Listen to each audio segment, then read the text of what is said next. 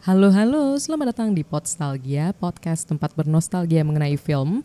Kembali lagi bersama gue Novia dan pada kesempatan kali ini gue sudah ditemani oleh Sarah untuk membahas, bukan membahas juga sih, untuk bernostalgia sebuah film yang disutradari oleh Lynn Ramsey berjudul We Need to Talk About Kevin. Yuk kita dengerin dulu cuplikan filmnya.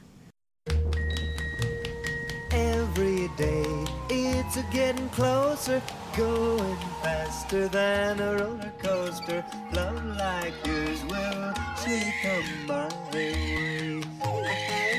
Hey, hey. You just have to rock him a little bit. Did you say mommy? No. Shouldn't he be talking by now? I wouldn't worry about it. Ball? No. He's just a boy. Just a sweet little boy.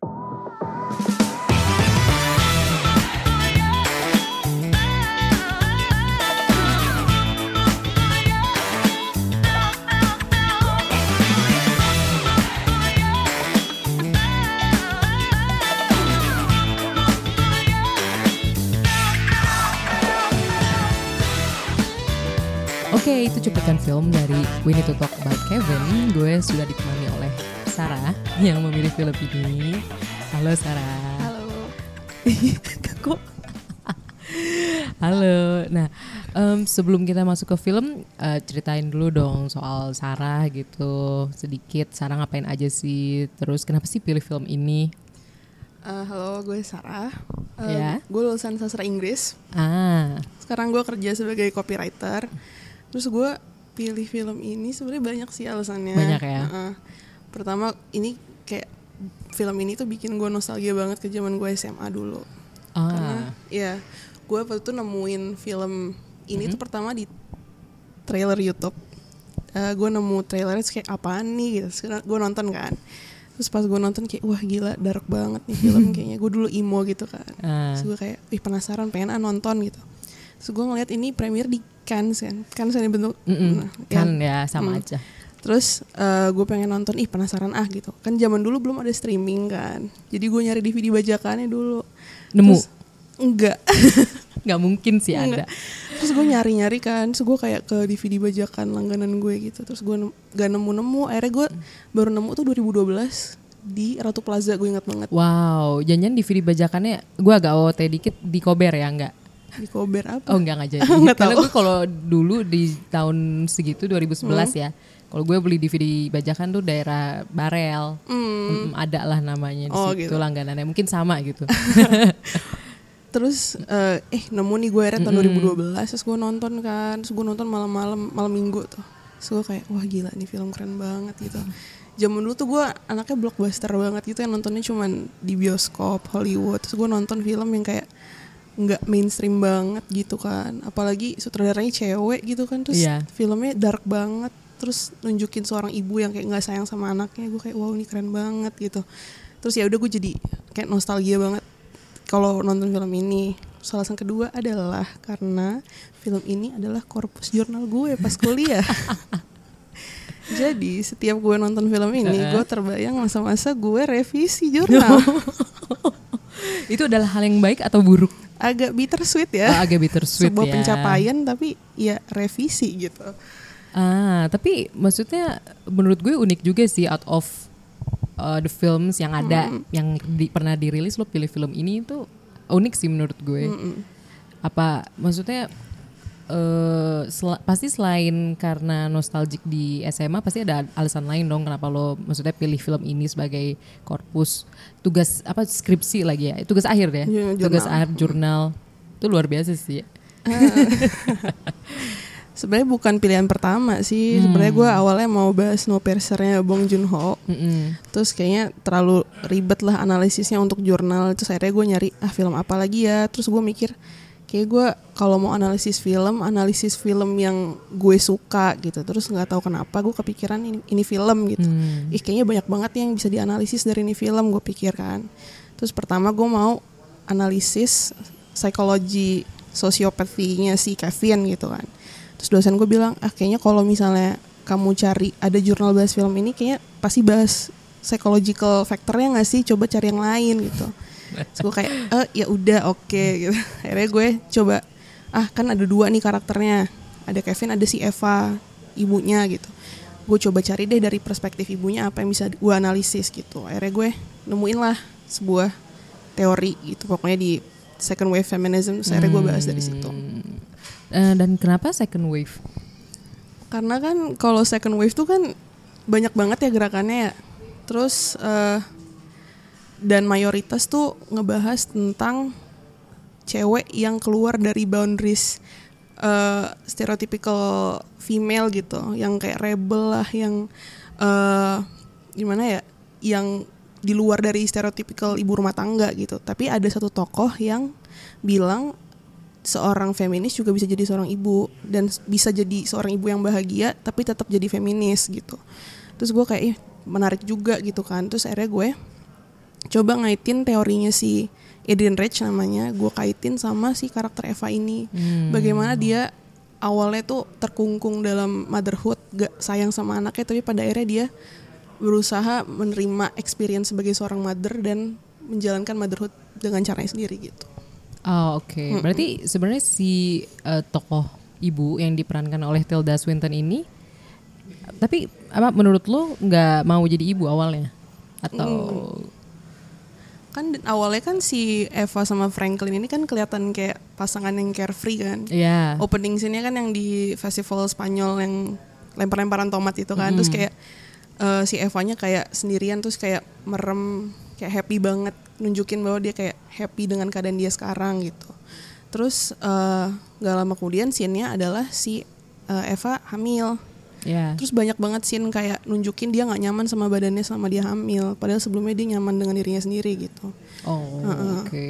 Contohnya kayak yang pas di ruang ganti dia kayak ngeliatin ibu-ibu lain pada hamil terus dia kayak ngeliat perutnya terus mukanya kayak nggak enak gitu kan. Iya. Terus eh, satu salah satu scene yang gue analisis tuh pas si Eva ngelahirin kan si dokternya bilang kayak don't hold it in kalau nggak salah kayak don't resist gitu. Tapi si Eva bilang kayak I don't want to atau something kayak eh, kayak put it back atau gimana pokoknya kayak nggak mau anaknya keluar gitu. Jadi kayak gue nganalisis itu sebagai dia nggak mau jadi seorang ibu gitu awalnya. Ah oke oke. Tapi dari situ menurut gue cukup apes juga sih si siapa tokoh ibunya Eva. Eva karena eh, anaknya kan tidak berlaku seperti anak pada umumnya kan dari masa kecil kayak dia dan anaknya itu nggak deket. Maksudnya bahkan dari interaksi sesimpel main bola gitu. Itu apa? Ada hubungannya dari eh, apa Eva mungkin banyak pikiran gitu terus jadinya ke mungkin berpengaruh gitu ke apa tingkat psikologisnya si Kevin. Karena kalau gue lihat di situ kan dia emang punya tendensi psikopat kan di situ. Karena karena dia eh, seperti sudah mati rasa sih kalau gue lihat di situ. Eh, itu juga sih sebenarnya makanya awalnya gue mau analisis psikologi itu kayak gue mau ngelihat eh, nature versus nurture gitu kan. Karena di situ kan kita nggak tahu sebenarnya ini anak dari lahir jahat atau kayak dibikin jahat gitu kan. Kita nggak tahu kan. Iya. tapi eh, itu sebuah pertanyaan aja sih gitu. Tapi kalau gue lihat si Eva itu pas ngelahirin si Kevin kayak punya some sort of baby blues gitu kali ya. Iya, gue bisa lihat hal itu juga. yang dia dorong kereta bayi terus kayak karena dia nggak kuat sama tangisannya si Kevin dia kayak pergi ke construction site. Terus kayak dia di samping bor terus dia kayak merem gitu kayak nahan suaranya si Kevin gitu. Terus yang main bola gitu kan. Tapi gue ngelihat eh, di saat si Eva ngajak si Kevin main bola itu adalah salah satu caranya dia mau nunjukin mau itu cara dia untuk nunjukin eh gue ibu lo gitu. Gue mau ngajak main tapi anaknya emang ngeselin gitu kan dari kecil kan kayak, ngocol gitu Iya iya iya iya sih Eh, simpelnya gitu kan. Tapi dia eh, gue agak heran sih bisa kalau ada bapaknya kelihatannya baik-baik aja tapi ya. Apa ada sindrom kah atau mungkin emang sengaja eh, berbuat buruk gitu tanda kutip ke ibunya? Kalau menurut lo? Eh, di analisis gue jadi jadi kan si Adrian Rich nih yang punya teori Hmm. dia bilang motherhood can be an experience and it could be an institution dia bilang gitu nah motherhood Institution. Heeh. Oh. jadi sesuatu yang mengekang yang kaku gitu Mm-mm. Terus motherhood as an institution ini diassert sama tiga hal. Yaitu pertama tuh, pertama tuh father kalau nggak salah, dua child, tiga society. Jadi eh enggak, pertama child, kedua father, tiga society. Nah si child ini si Kevin susah diatur gitu kan. Itu kan menjadi kungkungan bagi si Eva gitu. Yang kedua adalah si ayah Oh. gitu. Jadi gue ngerasa kayak si Lynn Ramsey atau si penulis bukunya Lionel Shriver tuh pengen nunjukin eh, bahwa ada gimana ada pola di mana ayah di suatu keluarga tuh kurang deket sama anaknya sampai anak aja bisa pura-pura baik di depan dia padahal sebenarnya sama ibunya nggak kayak gitu gitu. Oh, justru itu bukan true self dia Heeh, di apa ke- sama bapaknya. Berarti dia sebenarnya agak nyaman dong sama ibunya. Kalau misalnya dia bisa ngeliatin true self secara nggak langsung. Iya bisa juga sih kayak Hmm. gitu. Tapi di sini kan kita lihatnya kayak dia punya sociopath tendencies kan. Hmm. Oh, berarti sosiopat ya, bukan Sociopath. psikopat. Gue bacanya sih sociopath ya. Oh, oke. Kayak manipulatif gitu adalah pokoknya Iya, ciri-cirinya. iya, iya. Terus eh, ya gue eh, ngelihat bahwa si bapaknya ini kayak gimana ya, bukan ngebiarin sih. Jadi salah satu alasan kenapa si Eva merasa motherhood tuh kayak sebuah kungkungan bagi dia gitu. Kayak contohnya yang pas si adanya si Kevin yang kena bleaching bleaching Oh iya itu itu Iya parah kan? sih. Parah Terus sampai kan buta ya. Iya sampai buta kan. Terus kan eh, si Eva bilang kan gue nyuruh si Kevin jagain bentar kan gue mau ke belakang gitu kan. Tapi si bapaknya malah kayak ya lu lagi yang jagain anak lu lah. Padahal kan maksudnya nggak nggak seorang ibu nggak harus 100% ada buat anaknya juga kan itu kan si Kevin kakaknya gitu kan. Iya. Tapi si si Franklin malah kayak lu sih lu sih kayak malah mau jokin si ibunya gitu. Jadi kayak sebuah kritik aja sih bahwa kadang-kadang ya stereotip kali ya nggak semua ayah Hmm. gitu kan. Bahwa kadang-kadang nggak nggak ever present di family gitu. Oh oke. Eh, kok mungkin tadi kan lu dan kita udah bahas banyak juga ya lebih ke ibunya ya. Nah kalau misalkan di Kevinnya sendiri, kalau lo lihat seben eh, dia itu kenapa sampai akhirnya membunuh? Apakah emang eh, karena dia punya tendensi sociopath atau psikopat itu atau emang dia his plain evil? itu agak susah gak sih sebenarnya? Gue agak bingung sih di situ. eh ya itu sih itu sebuah pertanyaan juga sih sebenarnya nih. Anak tuh emang kayak titisan iblis atau kayak gimana gitu kan.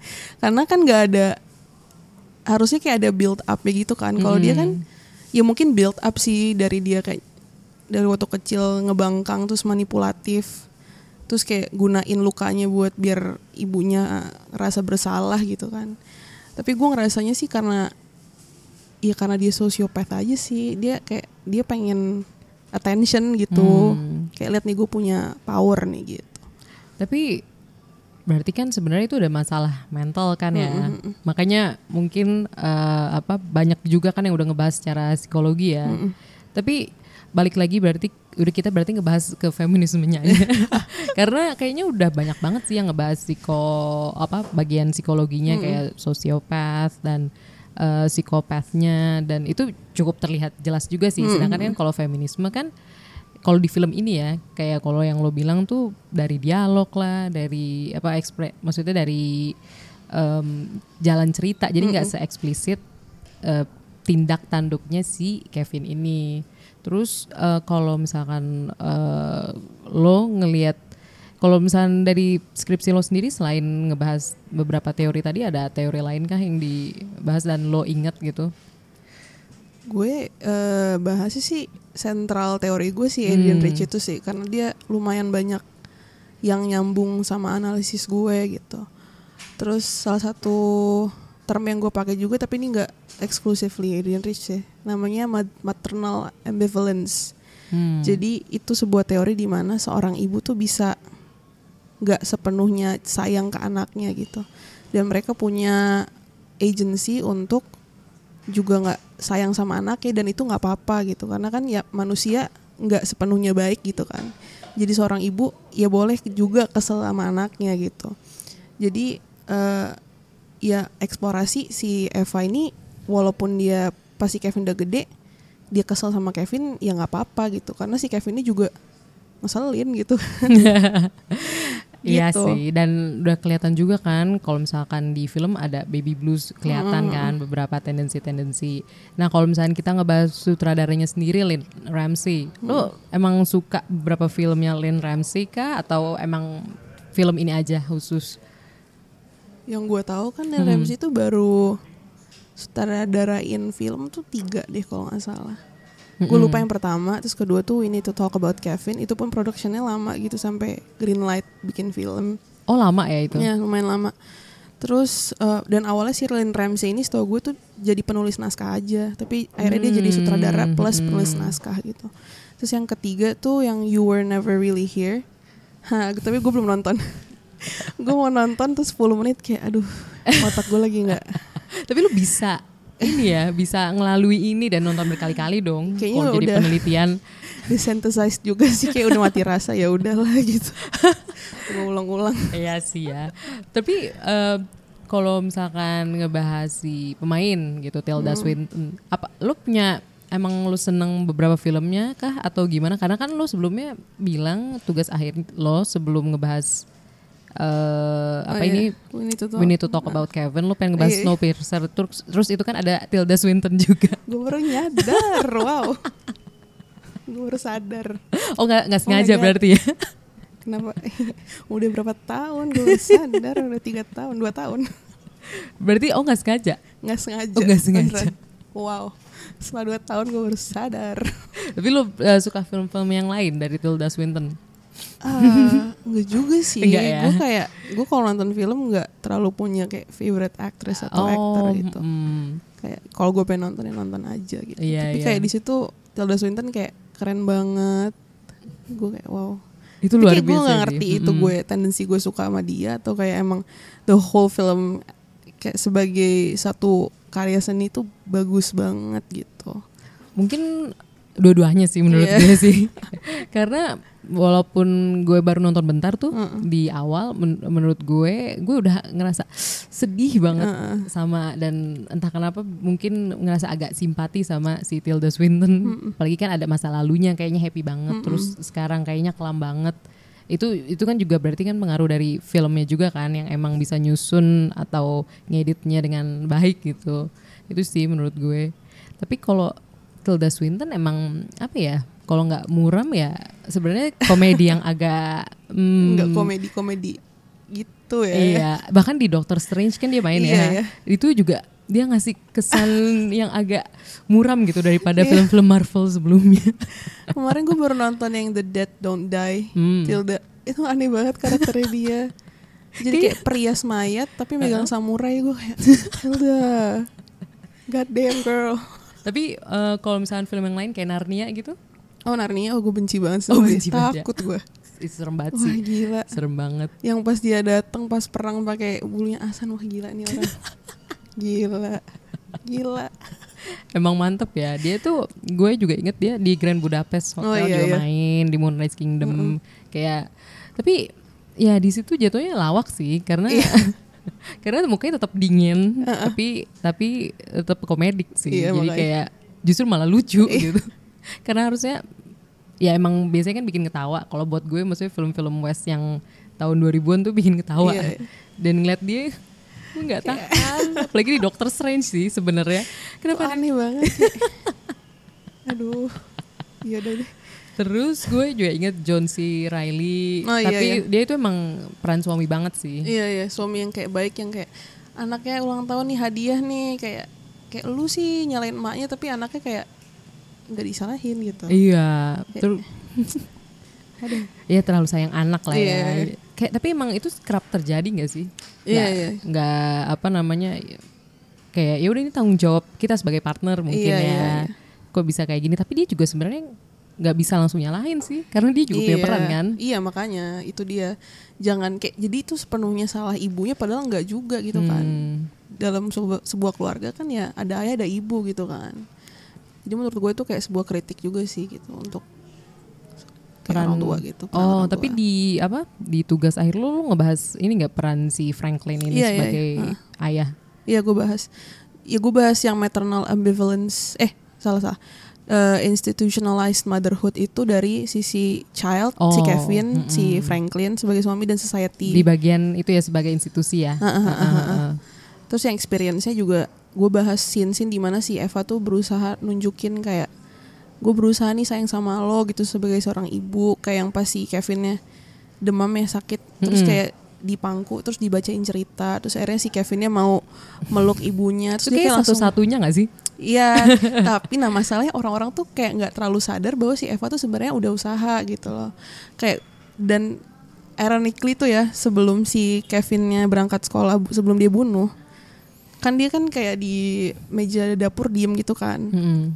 Terus ibunya datang terus kayak hey how are you gitu kan.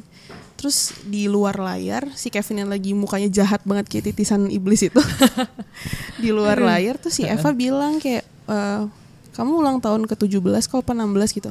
Ulang tahun mau dibeliin apa? Mau dirayain enggak gitu.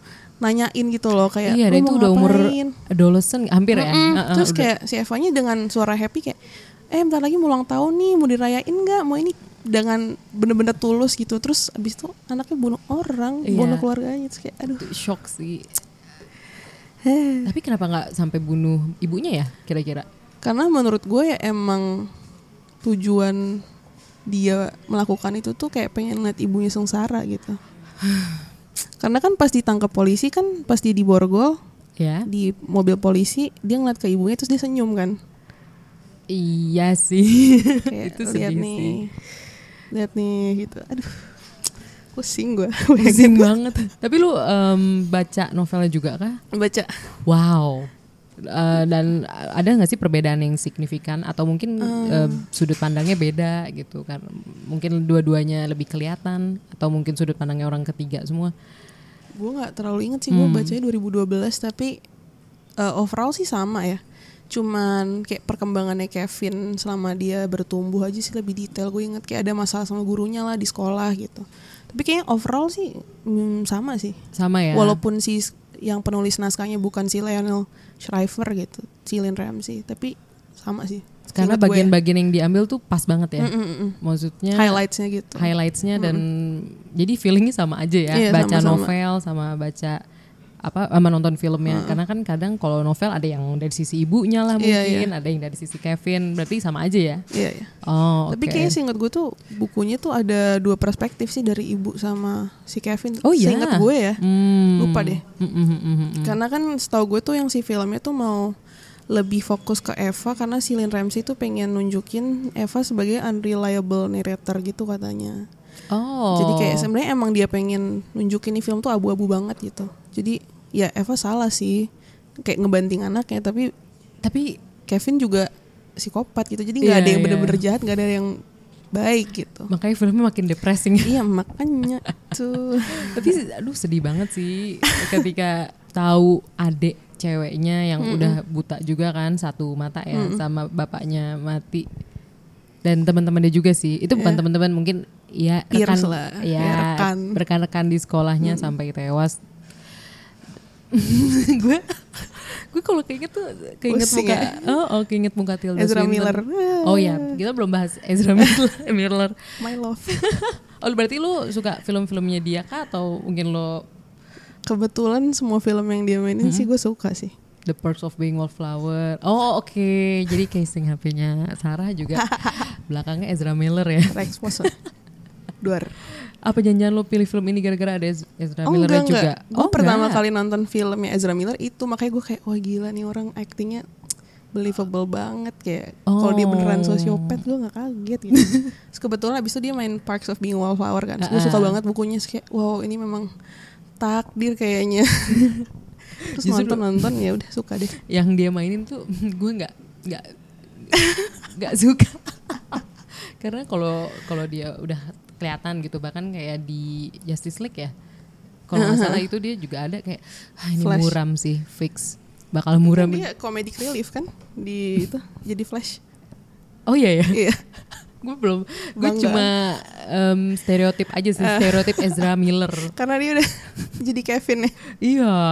Terus di Perks of Being Wallflower ya lebih like, happy Iya. sih. Cuma gue ngelihat dia maksudnya ada Emma Watson sama satu lagi Logan Logan, Logan Lerman. Lerman kayak dia kelihatannya lebih depressing sih jujur ya kalau buat gue Mukanya udah kayak gitu dari sana. Iya dari sananya. Cuma ya kurang cocok aja sih buat gue di situ. Terus eh, kalau balik lagi ke John C. Reilly itu gue inget, eh, tapi emang dia penyayang karena gue inget dia di film Chicago Ah gue gak. Nonton. dia jadi suaminya eh, Roxy dia kayak Roxy itu kayak bintang Broadway terus sebelumnya tuh dia kayak Rex to Riches lah Oh, Dia oke, dari oke. miskin sampai kaya dan itu tetap setia John C Reilly-nya dari Suami idaman dari ya. Rex sampai Riches-nya itu idaman banget makanya pas Jadi suami-suami Mick gitu kayaknya. suami-suami tapi sayang dia selalu mungkin karena nice guys kali ya Iya, jadi mukanya tuh kayak softy banget gitu gak sih? Iya, tapi penyayang kan. Tapi Heeh. biasanya yang kayak gitu tuh in the end Iya, jadi kayak aduh. justru biasanya nasibnya malang. Dan memang di dua film itu malang juga sih. Kurang lebih begitu. Sedih, sedih, sedih. Ezra Miller ya itu sih intinya kan tiga itu ya Iya. kalau di film ya. Terus kalau misalkan em, dari lo sendiri eh, ada nggak sih yang film-film yang sejenis ini yang lo inget? Mungkin feel-nya kah? Aduh, apa ya? Gue sih jarang nonton film depressing ya, jadi gue nggak terlalu inget. Aduh, nggak kebayang gue. Gak kebayang Gue ya. malah suka yang rada-rada depressing gitu, tapi harus pilih momen. Oh pilih momen. Kalau pulang kantor nonton kayak gitu, aduh nggak deh nanti mimpi buruk Oh, gitu kan. Tapi lu gak pernah mimpi buruk kan abis nonton ini? Enggak sih nggak pernah. Oh gak pernah. Untungnya nggak pernah. Karena ada Ezra, Ezra Miller. Enggak juga di Oh, situ nggak dia jadi sosiopat. Takut juga gue kalau mimpi. banget, takut banget. Aduh. Takut gue nanti gue dipanah gitu kan di dalam mimpi nggak mau deh Dan gue. Makanya cocok banget ya ibunya Tilda Swinton Iya, maksudnya mirip ya kayak Iya. aura-auranya dark dark wah brooding. parah dan kayak dingin. Iya. Uh, cocok banget sih tapi gue jadi takut. Dan bapaknya John C. Reilly itu menurut gue kontras, kontras banget, ya. Parah, parah. Castingnya jago sih. Iya parah, itu top banget sih. Makanya gue jadi takut nontonnya. gue nggak bakal nonton ini berulang-ulang sih. Iya, saya udah dua, berapa tahun dari 2012? Wow. Dua tahun nonstop deh. Sampai nemu DVD bajakannya ya. Iya loh, berjuang keras. Gue kira dapet. dari torrent karena Oh, enggak. ya kan dulu belum zaman Netflix, Iya, movie, iya, iya. Amazon Prime kan. Iya. Jadi wajar lah ya. Dulu gue takut pakai torrent. Oh. Takut virus, nanti gue dimarahin emak gue. Ya udah deh gue cari bajakan. Dan nemu itu hebat sih. Makanya gue juga kaget sih kayak wow ternyata bajakan emang Indonesia. Ratu Plaza tuh terlengkap sampai sekarang sih. Gue Iya. pas tuh datang ke sana iseng tahun 2018 2019 dan emang koleksinya sih Jago banget. jago banget nggak bisa bohong dan kayaknya tetap ada deh itu maksudnya dengan ada Nggak mati-mati ya? nggak mati-mati Banyak bule tau beli di situ. iya ya Gila. Eh btw kita nggak beli DVD bajakan nanti ditangkap polisi. oh iya lagi. jangan jangan nggak nggak ini kan Guys guys ini bercanda guys. kita bercanda ini cerita zaman dulu kan Yang zaman dulu sekarang udah enggak di Netflix kok nontonnya sekarang. udah emang ada Enggak ada sih. eh belum lah Belum, ya belum, tapi belum. sebenarnya udah lebih terbuka Ya udah terbuka lah. Sekarang udah gitu. banyak ya streaming services ya. iya jadi kalau dari lu berarti belum keinget ya film yang sejenis gitu Belum sih. enggak ya Belum sih. agak sulit ya Sekarang lagi nontonnya happy happy sih. Oh lagi Udah happy happy. Atau mungkin eh, dulu lu belum terlalu oh lu ka- karena lu bilang agak emo ya jadi nontonnya Iya, iya, ini iya. ya Nggak ngerti dah kenapa tuh. luar dulu. biasa dan jadi tugas eh, maksudnya jadi korpus tugas akhir. Iya. Kan sih. Oke thank you banget Sarah Yoi. udah sharing-sharing banyak soal We Need to Talk About Kevin. Iya. Walaupun eh, gue sendiri jujur gue nggak kuat nontonnya. Dan Sarah di sini udah nonton berkali-kali, Uh. terus dibahas jadi tugas. Itu gila banget sih buat teman-teman Potsalgia mungkin eh, penasaran gimana cara neliti film terus jadi tugas itu berat Anjay. banget guys. Karena harus Mau baca ditonton. jurnal gue. Anjay. Boleh loh. Uh. Kalau baca jurnalnya nanti nanti minta itu ya Twitternya atau Instagramnya Sarah ya. Citra-citra intelektual nih. Luar Ini biasa. jual mantap. Karena karena ini eh, bukan cuma deskriptif yang Sarah teliti ya, karena benar-benar merasuk ke dalam dan yang dan Sarah ngambilnya feminisme itu itu agak itu unik sih karena kalau pas itu gue iseng ngecek We Need to Talk About Kevin emang kebanyakan ngebahas psikologi, Psikologi, ya. makanya mungkin dosennya Sarah menganjurkan untuk cari sisi lain ya dan makanya mungkin buat teman-teman juga yang tertarik sama film We Need to Talk About Kevin atau soal second wave feminism atau Hmm. ya feminisme pada umumnya mungkin bisa tanya-tanya lebih ya ke Sarah ya atau Tokoh mungkin baca ya mungkin nanti eh, 20-30 tahun ke depan kan Sarah menjadi sebuah sosok Anjay. feminis Gila. Di- Kata netizen gue jadi SJW enggak apalah arti SJW atau label-label ya yang penting Anjay. berperan berperan ya. aja kita beraksi guys Wis, anjay nah, ini udah terbukti loh di aka, apa di jurnal kan. mantap ya betul Jadi sekali mungkin buat temen-temen gitu yang tertarik sama apa obrolannya Sarah atau mungkin pengen baca jurnal Sarah, mungkin Sarah bisa share Twitter dan Instagram. aduh malu Eh, terserah loh itu Susah, hak. Sarah loh. namanya susah guys Oh namanya handle-nya, ya. Fevrier 95 Oke, Iya, Fevrier itu kan bahasa Iya mantap deh Wih. Secara Perancis ya Gue bilangnya Fevrier gitu bahasa Prancis Februari Iya, ya. mantap. Betul sekali. hmm. Februarinya awal-awal atau akhir-akhir ya? Awal-awal Oh, Aquarius, Aquarius ya. Aku anak Aquarius guys Kita bermain zodiak. Aku quadruple loh Aquariusnya Empat-empatnya loh guys Gue sampai speechless. Makanya semua orang juga kayak gitu Empat loh Empat-empatnya Empat-empatnya ya. guys Gila, gila, Sangat gila, intens gila. Aquarius intens Pokoknya kalau nggak Aquarius, Pisces lah ya. Dari nama. Nama Ya kan Feb- Oh, iya, iya. Februari Betul, ya betul, kan. betul. Di Februari 95 Betul. ya. Terus buat teman-teman yang ingin kasih kritik atau saran bisa langsung mention di @podstalgia di Instagram atau Twitter atau bisa langsung email juga di podstalgia@gmail.com. Oke, mungkin Sarah any last words about this film? Mungkin buat teman-teman yang eh, apa ya mungkin mau ngajak nonton kah? Atau Ajak nonton. atau mungkin rekomendasiin film ini buat siapa? Ya kalau pengen nonton film yang dark dark aja. Enggak sih.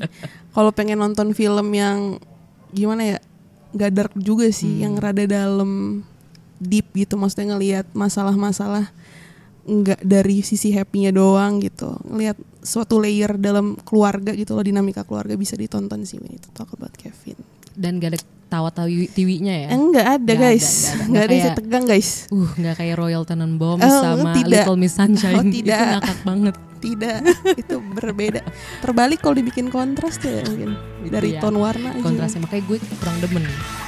Oke. Kayak happy-happy ya Iya, oke. Thank you Sarah sekali lagi. Thank you. Thank you untuk para pendengar Postalgia yang sudah mendengarkan hingga titik ini dan sampai jumpa di episode selanjutnya. Bye bye. Bye.